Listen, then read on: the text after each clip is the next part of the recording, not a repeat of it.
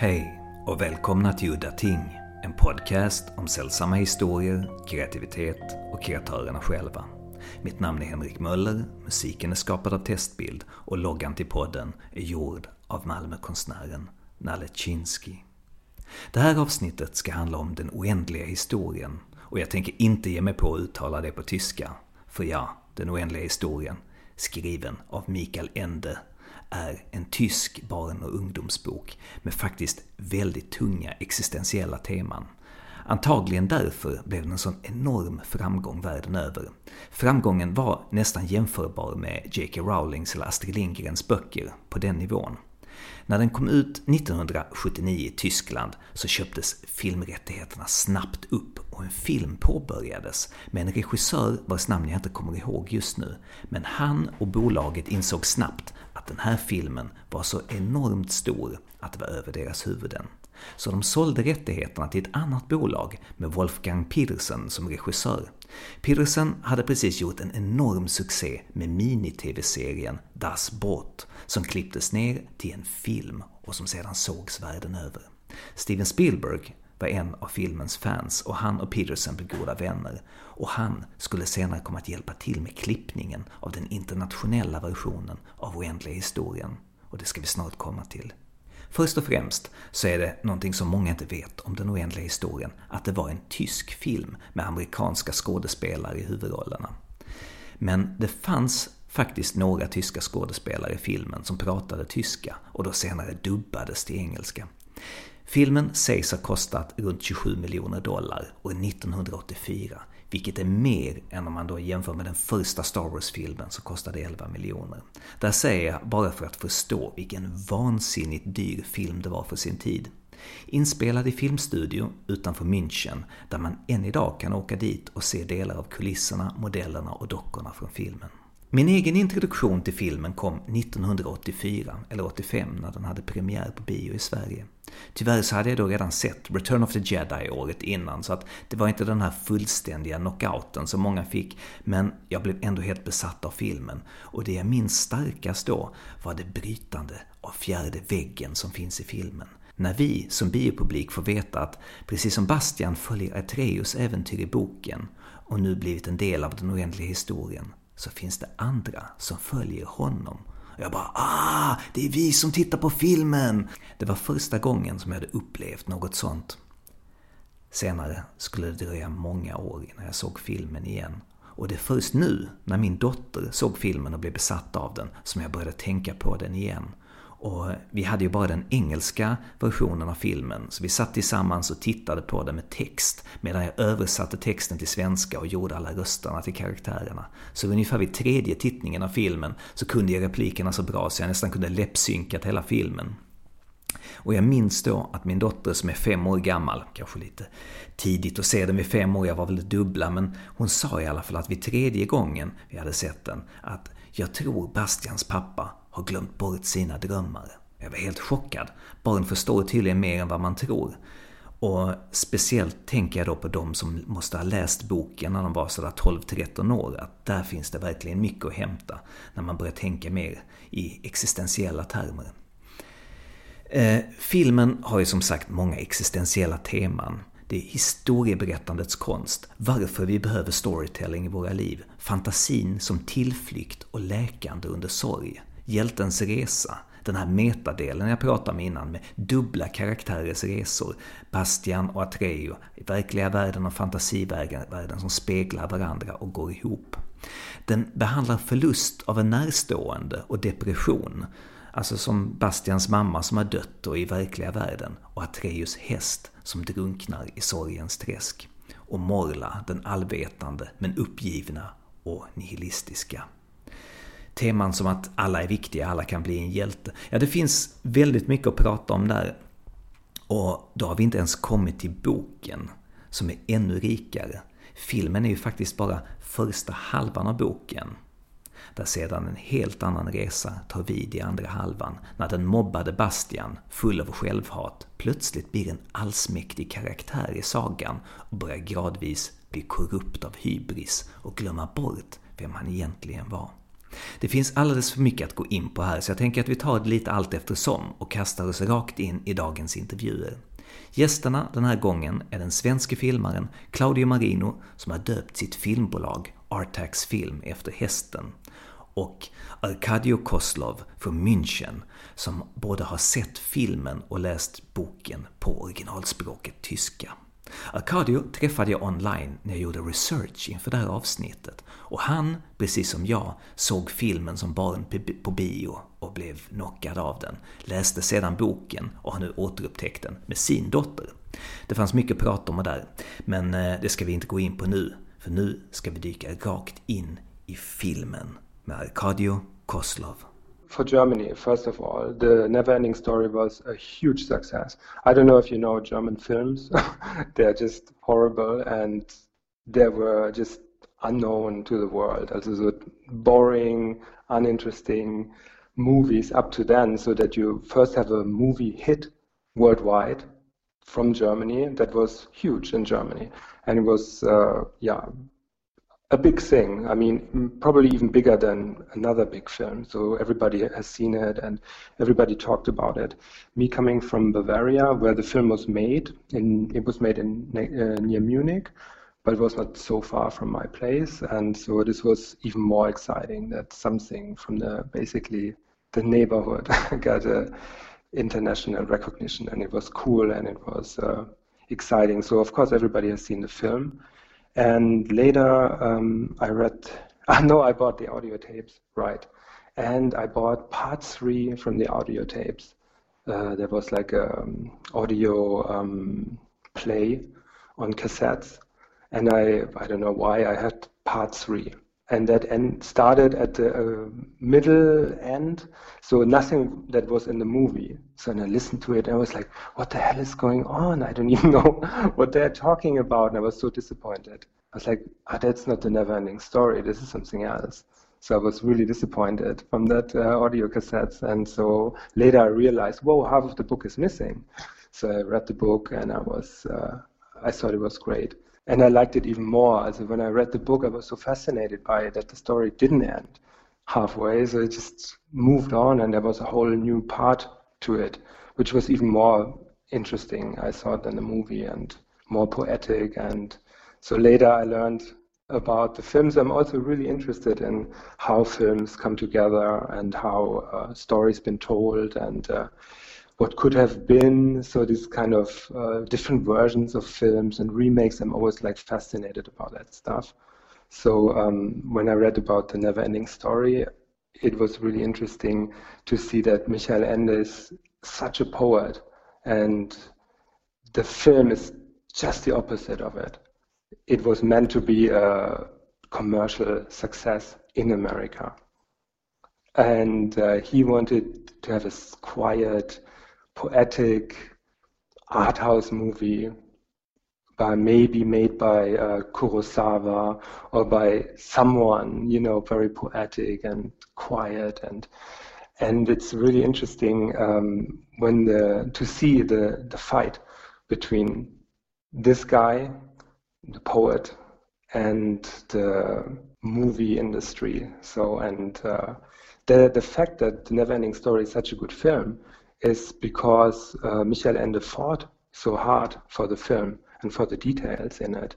At the end, he didn't want to have his name in it anymore. But um, the interesting fact is that he worked on different versions of the book, made it so close to his book, but still too far away. But did it so good, even half of it, it's thanks to him. The first draft that was made was not with Wolfgang Petersen, it was another guy, I think his name is Dietl or so, and he worked together with a director called Geisendorfer, and they um, made the first draft. And they didn't, as far as I understood, the first draft was not even that Bastian found a book. The first draft was he goes to the cinema. And Koreander is the guy who shows him different movies. And he got sucked into the different um, stories. And it was so far from the novel that Michael Ende was horrified, and he said, "Never ever will he want to have anything to do with that, and this is absurd, and this is uh, nothing what he wants.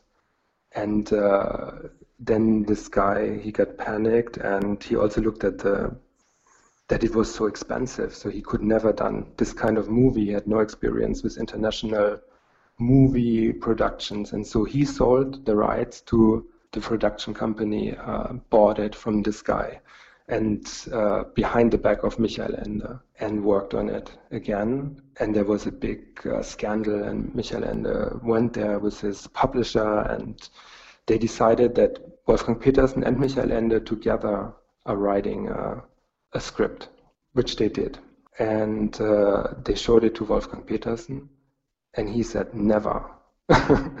never. He was never going to do this film because he really needs the American audience to get the money back in. Like it was a multi-million dollar uh, project already, and they agreed then at the end that Michael Ende took his name out, um, and Wolfgang Petersen made the movie he wanted to make as close as possible, made for the American audience because they said with the German audience they don't have enough cinemas to get the money in, so they really have to sell it in America to get all the millions back in that they spent on the special effects.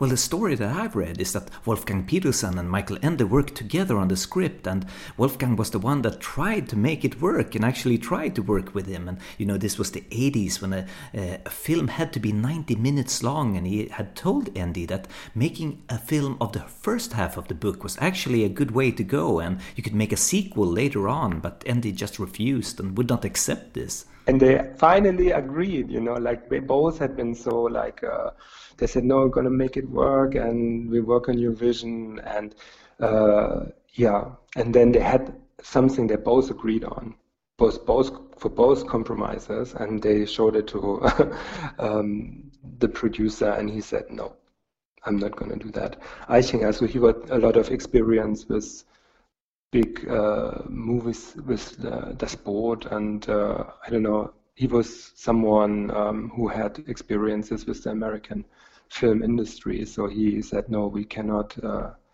we cannot sell that. We need half of it only, and we need a happy end in the middle." and you know, so this is uh, it, it, has to be a different way. And uh, Michael Ende was yeah horrified. He was uh, disappointed because it was only half of the book. And he said this is just what he not wanted to have. So I read, Michael Ende wrote 2,500 pages for the Neverending Story.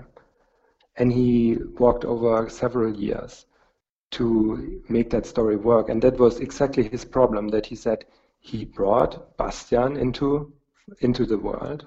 And in English, I think it's Fantastica, no? Or Fantasia and he doesn't know how to get him out.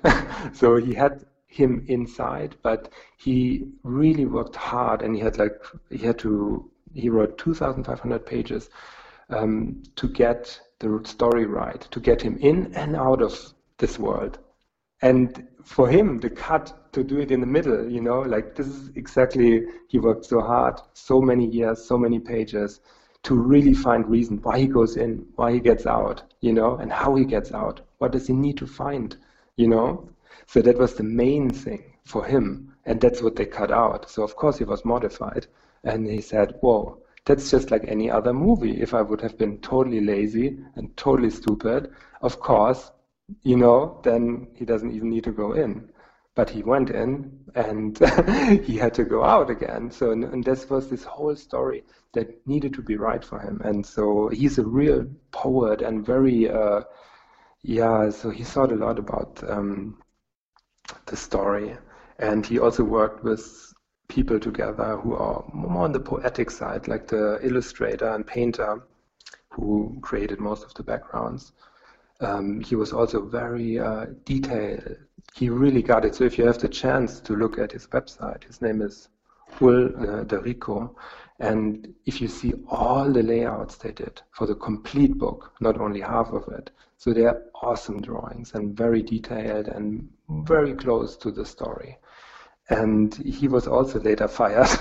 uh, so some people, some, some of his students took over because he was too difficult to work with, apparently. So, but you can see those who really want to stay as close as possible to the story. They got all kicked out. But you're now talking about the book, right? He wrote 2,500 pages for the book and edited down to 500 for the final version. 2,000 pages went into the trash, he said. And the funny thing is, what I read is that always when he mentions in the book, uh, this is a story that needs to be told another time. So that he left in these little clues that there was actual stories that he told on this place. So he just let the clue in the book. This is a story that should be told at another time. But actually, there was a story told, and he told the story, but he had to, take it out. But he didn't. He want to leave clues in the in the in the book. And I also found out there are two. Um, after he died, there were two books published, um, and one is called uh, Der Niemalsgarten, and this book um, is an early draft of the Neverending Story. And there's also a book called Das große Michael Ende Lesebuch, and there you can find a short story that was one time in the never-ending Story, but they took it out. So it's like a piece of the story where Bastian is at the Ender House, Ender House at the end of the story, where he learns to do magic. And this is just a short story that they took out and they published it later on. Well, one of the things that I found very fascinating was the symbol on the cover of the book. It's uh, a, an Ouroboros, the snake eating its own tail, going on and on forever. But on the never-ending story cover, there are two snakes, like a double Ouroboros. It is definitely something that uh, the symbols, symbolism. Yeah, I think he was really fascinated with with the story in the story or something that mirrors itself. Other books that he have written or short stories is often like the motive is often like this, the mirror in the mirror. Like you you see something, um, or person changing the way they stand, and they're mirroring the way they stood before and then they're mirroring the same position again. So they're mirroring the mirroring so i don't know i read about uh, a story about him. So he's really fascinating fascinated with that yeah what do you say the the two sides um, of of the same thing like the reality the fantasy world. The first books he wrote was uh, jim knopf the two books and there were um, also put into a marionette theater. So there was called Augsburger Puppenkiste. This is like a early TV children's program which was made with marionettes. And uh, so they took his story and they made it a, a, TV show. I don't know how many episodes. And it was a huge hit. So everybody knows about them. Um, so that was already a household name, I would say, in the yeah 60s or so already and uh, and then he wrote, I think, uh, Momo, which was also a really big success. The story was like after Momo, he moved to Italy, or before he wrote Momo, he, he moved to Italy, and so he did a long time nothing. So and then his uh, publishing house came and they said, "Hey, uh, wouldn't it be time for a book again?" And he had a little box with like scrap uh, notes where he put down ideas and he took one out of the box and he said, Oh, I have still this idea. A boy gets drawn into a book. So he said, Okay, so he's going to write something about that. But that story doesn't give much, he said, so maybe 100 pages.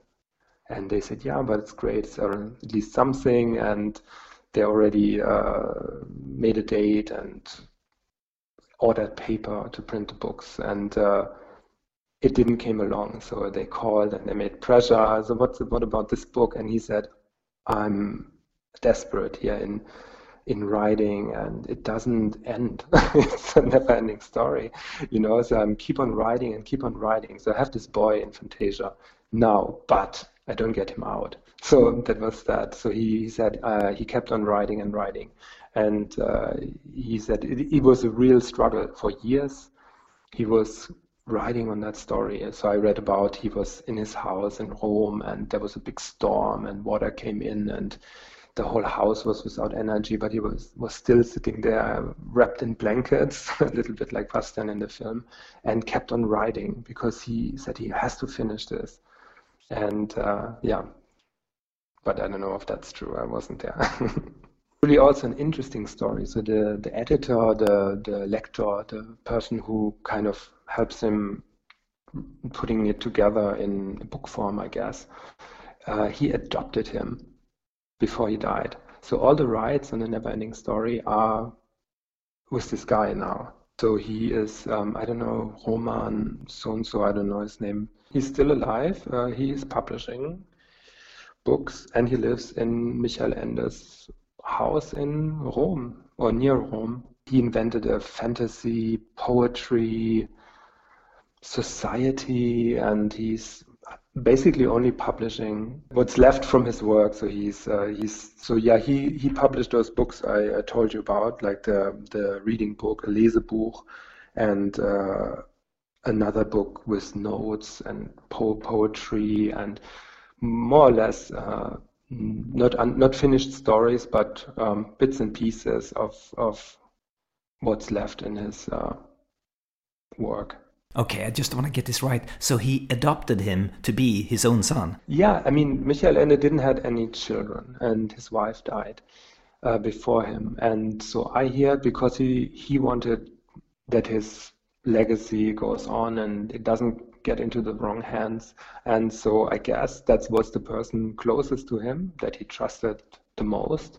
And uh, knowing that if he doesn't have children, that 50% or whatever goes maybe to siblings or cousins or God knows whom. So he kind of said, no, I'm going to uh, adopt uh, this guy and then he's my son and then I will, he has my legacy, my stuff for 100%.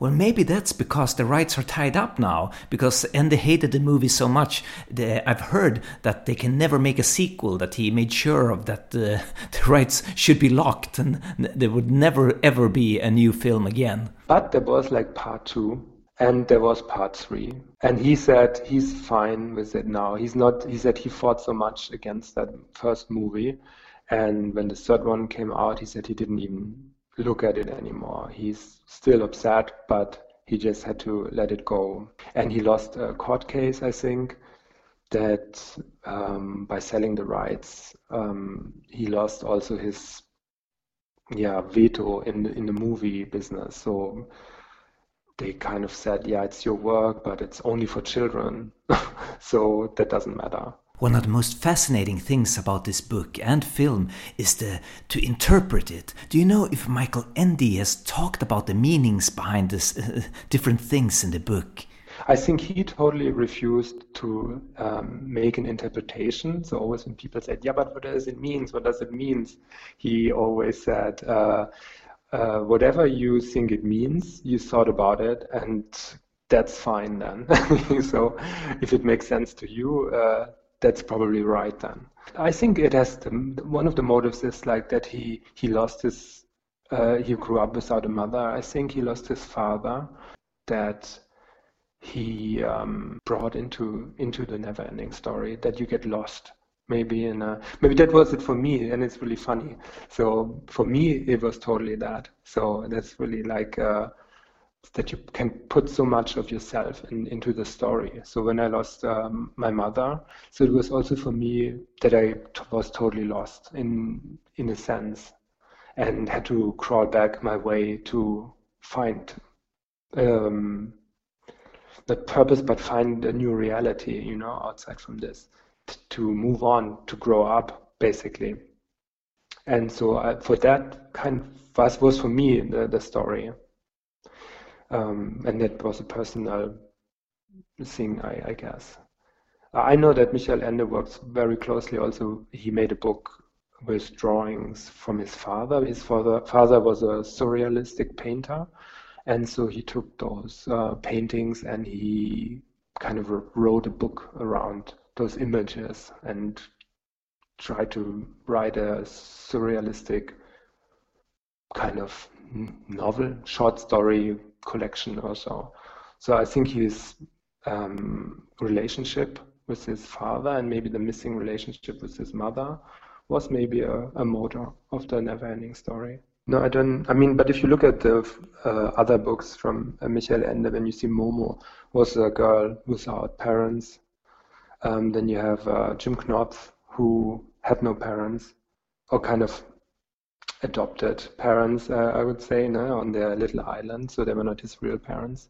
So the the motive of um, someone who doesn't have uh, parents is always like a a big um, theme, I think, in his books, or big motor. Yeah, it's interesting that you mention his father. Yeah, he was a surrealist painter and he was forbidden to work during Nazi Germany because he, uh, the Nazis, of course, thought, uh, thought that his work was uh, degenerate, as they called it, a degenerate art. And uh, yeah, fantastic and surrealist painters that were not allowed to work. And so he, because he was not allowed to work, he became very bitter.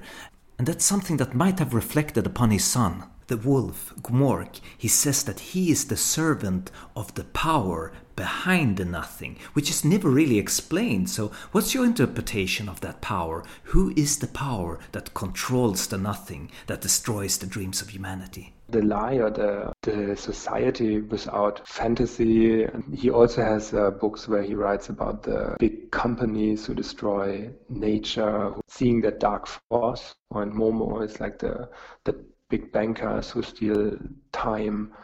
And so it's like this corporate greed and something like that. I very vividly remember the feeling I got watching the film of breaking the fourth wall that Bastian is following Atreyu's journey and I was the one following them both and all of us being part of the never-ending story. Did you ever get that feeling? Totally. Like this, uh, he doesn't get it to give her a new name in the book and so she runs out the childlike empress um, to go to the man on the mountain, no, and then he lives in an egg, and she goes to him, and he in that moment writes Bastian's story, and you can see him writing the story, and then you have the feeling that somebody watches you reading and reading what you are doing right now. So I had that in that moment. I had that feeling. Not so much in the film, more in the in the book. One of the things I want to talk to you about is your trip to the Bavarian film studios to look at all of the props and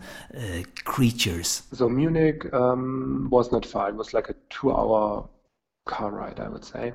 And so the whole class could sign up in, in school who wants to go, and they organized a, a trip uh, to Munich to the studios. Of course, I wanted nothing more than this, you know, like just to see the film and then to go there and to actually see the figures, the paintings, the tricks, how that been done. Yeah, I remember. I mean, it was really small, but I remember, of course, there was the racing snail.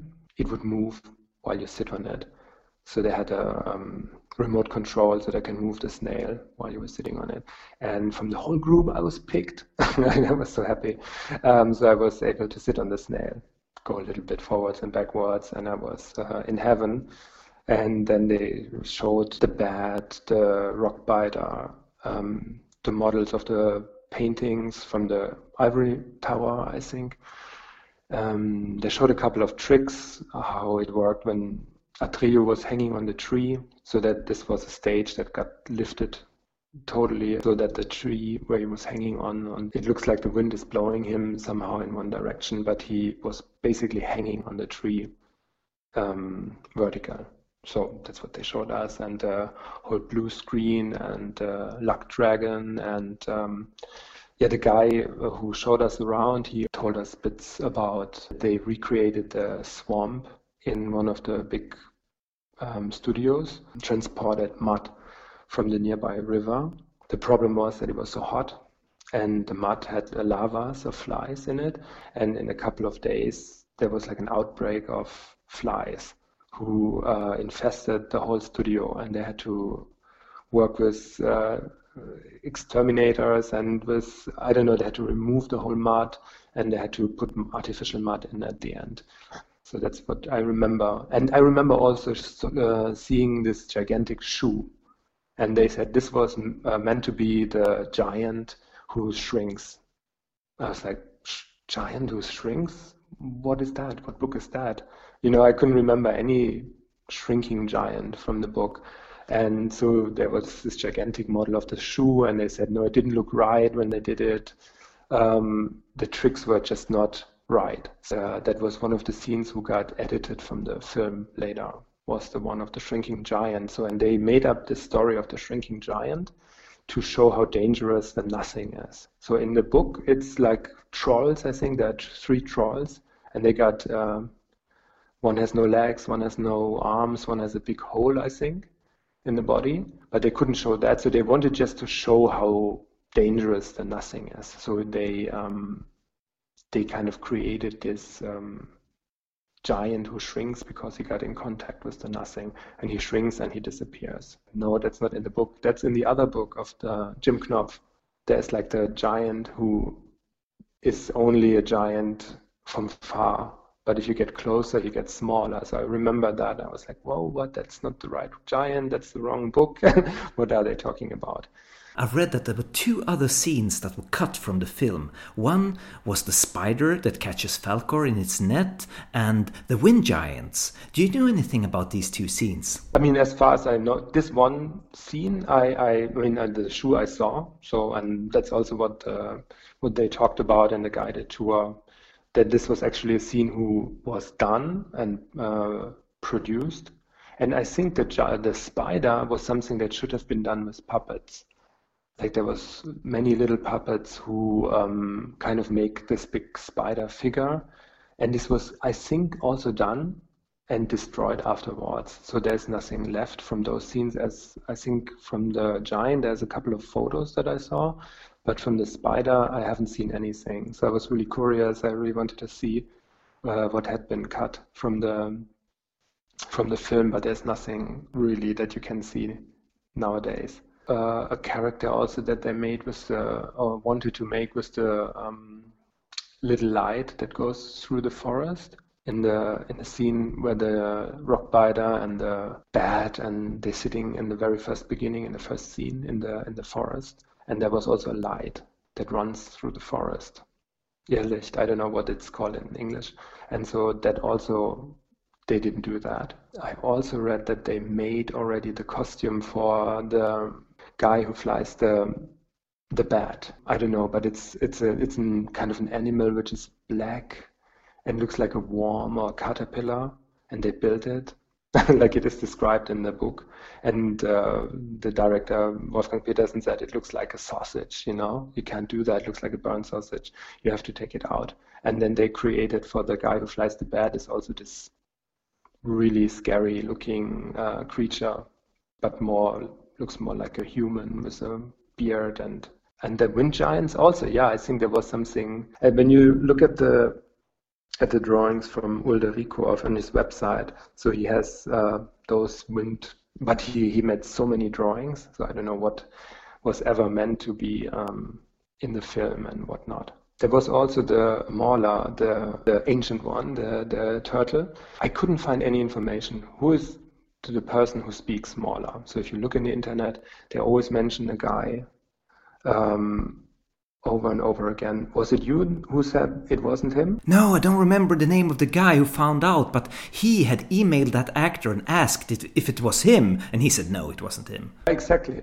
Yeah, yeah, exactly. So I was really curious to to know. I said, it cannot be such an important role. Cannot be that they don't mention this role. Nobody steps forward and claims it. It's really odd. And so I compared the English text, also the English bit of the film, with the German bit of the film and it sounds uh, totally similar. The voice and uh, the actress is a German actress who also does work in English and also dubbed um, her own acting into English for other films like The Tin Drum, for example.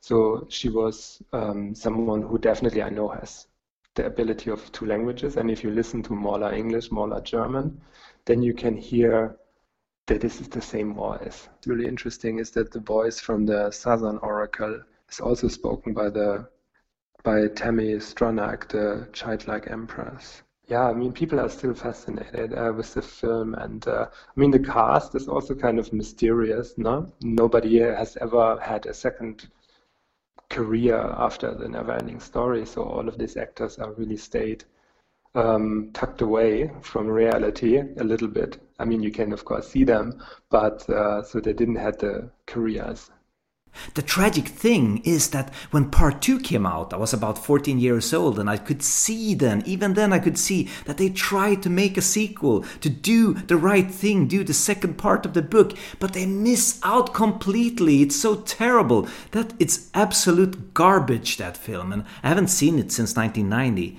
And the even more tragic part is that it was directed by George Miller, the director of the Mad Max films funny thing I read about also is like that part three and part two is produced by the same producer who wanted to do part one with Michael Ende and who didn't do it and who sold the rights to Wolfgang Petersen and the other production company. So he's actually the one who is producing part two and part three. So he sold out totally. So he had no clue. And uh, you can only imagine what he would have done with part one, how bad it could have been and how forgettable. Yeah. Yeah, I think really this is a lot because Michael Ende really worked closely and really hard uh, on the draft with Wolfgang Petersen. I think he really developed the story with him, even when he withdrew his name at the end. I think they took most of the elements that they developed and just popped it up a little bit and uh, made it a little bit more um, for the American market, but I think most of it is probably approved by Michael Ende. So that's why it's still so good. And the German version doesn't have the, the famous song from Limahl. Uh, and so I was always wondering when there was like the Neverending Story song, and I, I looked at the film, and I was like, but the movie, the film, the, song is not even in the movie. I don't get it. The German version has really the only orchestral. There's no pop synthesizer elements in it. There's no like the beginning of the film is all black. There's no clouds and flights and pop music. So this is really just all orchestra and very, um, very um, un like poppy. So like the the whole American one is like with the song and lots of elements are really catchy and um, upbeat. and this is not in the German version. Well, the famous story is that Steven Spielberg helped Wolfgang Petersen cut the film with seven to nine minutes for the international release for a mass market audience, so to speak. Do you know what was cut? The German version is a little bit toned down. It's more uh, subtle, it's longer. The Artax dying scene is longer and more uh, exhausting. you see more, you see more of the horse dying, and you see more air bubbles coming out of the swamp afterwards, and you really, really have to suffer a little bit more the international audience. Jag pratade även med Claudio Marino som har döpt sitt produktionsbolag efter hästen Artax, så jag förstod ju att den filmen hade betytt mycket för honom också. Jag tror att det var typ 87, 88 där någonstans. Fast då var det, det var inte i Sverige då, första gången jag såg den. Eh, så då såg jag den på engelska. Eh, och sen så dröjde det flera år. Vi hade ingen egen VHS så det dröjde många år innan jag lyckades få tag på den eh, och få se den hos någon kompis eller någonting i den stilen. Och då var det den svenska i fullscreen med skånska och allt vad det var. Liksom. Så det är första gången. Efteråt så blev jag ganska besviken. Sådär. Men sen, så, sen hittade jag originalet på engelska. Ja, alltså, jag hade aldrig sett någonting liknande. Liksom. Det var ju, det var ju det, det första fantasy-liknande jag hade sett överhuvudtaget tror jag. Och det, självklart det som, det som gjorde störst intryck det var ju scenen med Artax. Den, den sattes ju verkligen i järnbarken. Liksom. Det är fortfarande, alltså det, än idag är den scenen lite tung. Liksom. Det är någonting med liksom, det, dels det, det skådespeleriet är bra men hästen ser ju så först så fruktansvärt ledsen ut och sen så är det, alltså, den, är ju, den måste ju bokstavligt talat vara livrädd. Liksom. Och det, det, det gör att det, det, det fortfarande känns liksom, på något sätt det där, den känslan som man får i den scenen, det är någonting som jag sökt ända sedan dess, återigen, i all form av konst. Liksom. Någonting som berör så djupt. Men, någonting som slog mig när jag, när jag såg om den nu, nu lyckades jag se den remasterade versionen. Det är liksom, filmen, vad är den, 30, nästan 40 år gammal. Och den är fortfarande grymt vacker. Alltså både så här, set design och alltså matte paintings och sånt som verkligen håller fortfarande. Jag var lite rädd så här, att tänka att om man får se någon remasterad version, då kommer man liksom se igenom allting. Och så här men jag tycker det verkar att visuellt så funkar den skitbra fortfarande. Alltså. I boken så är pappan mest en ledsen och introvert tandläkare, men i filmen så är han ju betydligt mer byråkratisk, liksom kostymsnubbe, helt känslomässigt avtrubbad. Liksom, bra grabben, det här Farisonsamtalet gick ju bra, vi borde ju ha fler sådana. Det känns väl det där lite som att det är en del av, av sin tid också. Alltså han är någon form av yuppie pappa, liksom. han har ju den Alltså ner med fötterna på jorden och leva i verkligheten och du ska tjäna pengar en dag. Liksom. Det är väl det som är också någon form av bakgrund till det där. Men om man frågar så här då, vem är det du relaterar mest till? Bastian eller Atreu? Det finns ju, man kan ju relatera till båda karaktärer på något sätt. Alltså dels hans eskapism från, ja men dels att han är mobbad, sen har han det andra problemet att han bara vill fly in i någonting annat hela tiden och han har liksom dåligt samvete för skolan och allt det där. Liksom. Det är jättelätt att relatera till och samtidigt som man vill vara den här typen av hjälte. Sen vet jag inte liksom så här, vem man var mest kär i, om det var prinsessan eller, eller om det var, eller, eller om det var Trejor, det, det vet fan. Men, och sen så finns det fortfarande, alltså går jag in i ett nytt antikvariat idag någonstans, gärna utomlands, då är det liksom den där, det där är ju den högsta drömmen om att hitta den där boken liksom, på något sätt. Någon som så här, här har den förbjudna boken, den, den får du absolut inte läsa. Liksom. Det är någon form av superdröm liksom. Ja, det var allt för den här gången. Mitt namn var Henrik Möller. Musiken var skapad av Testbild. Hej då!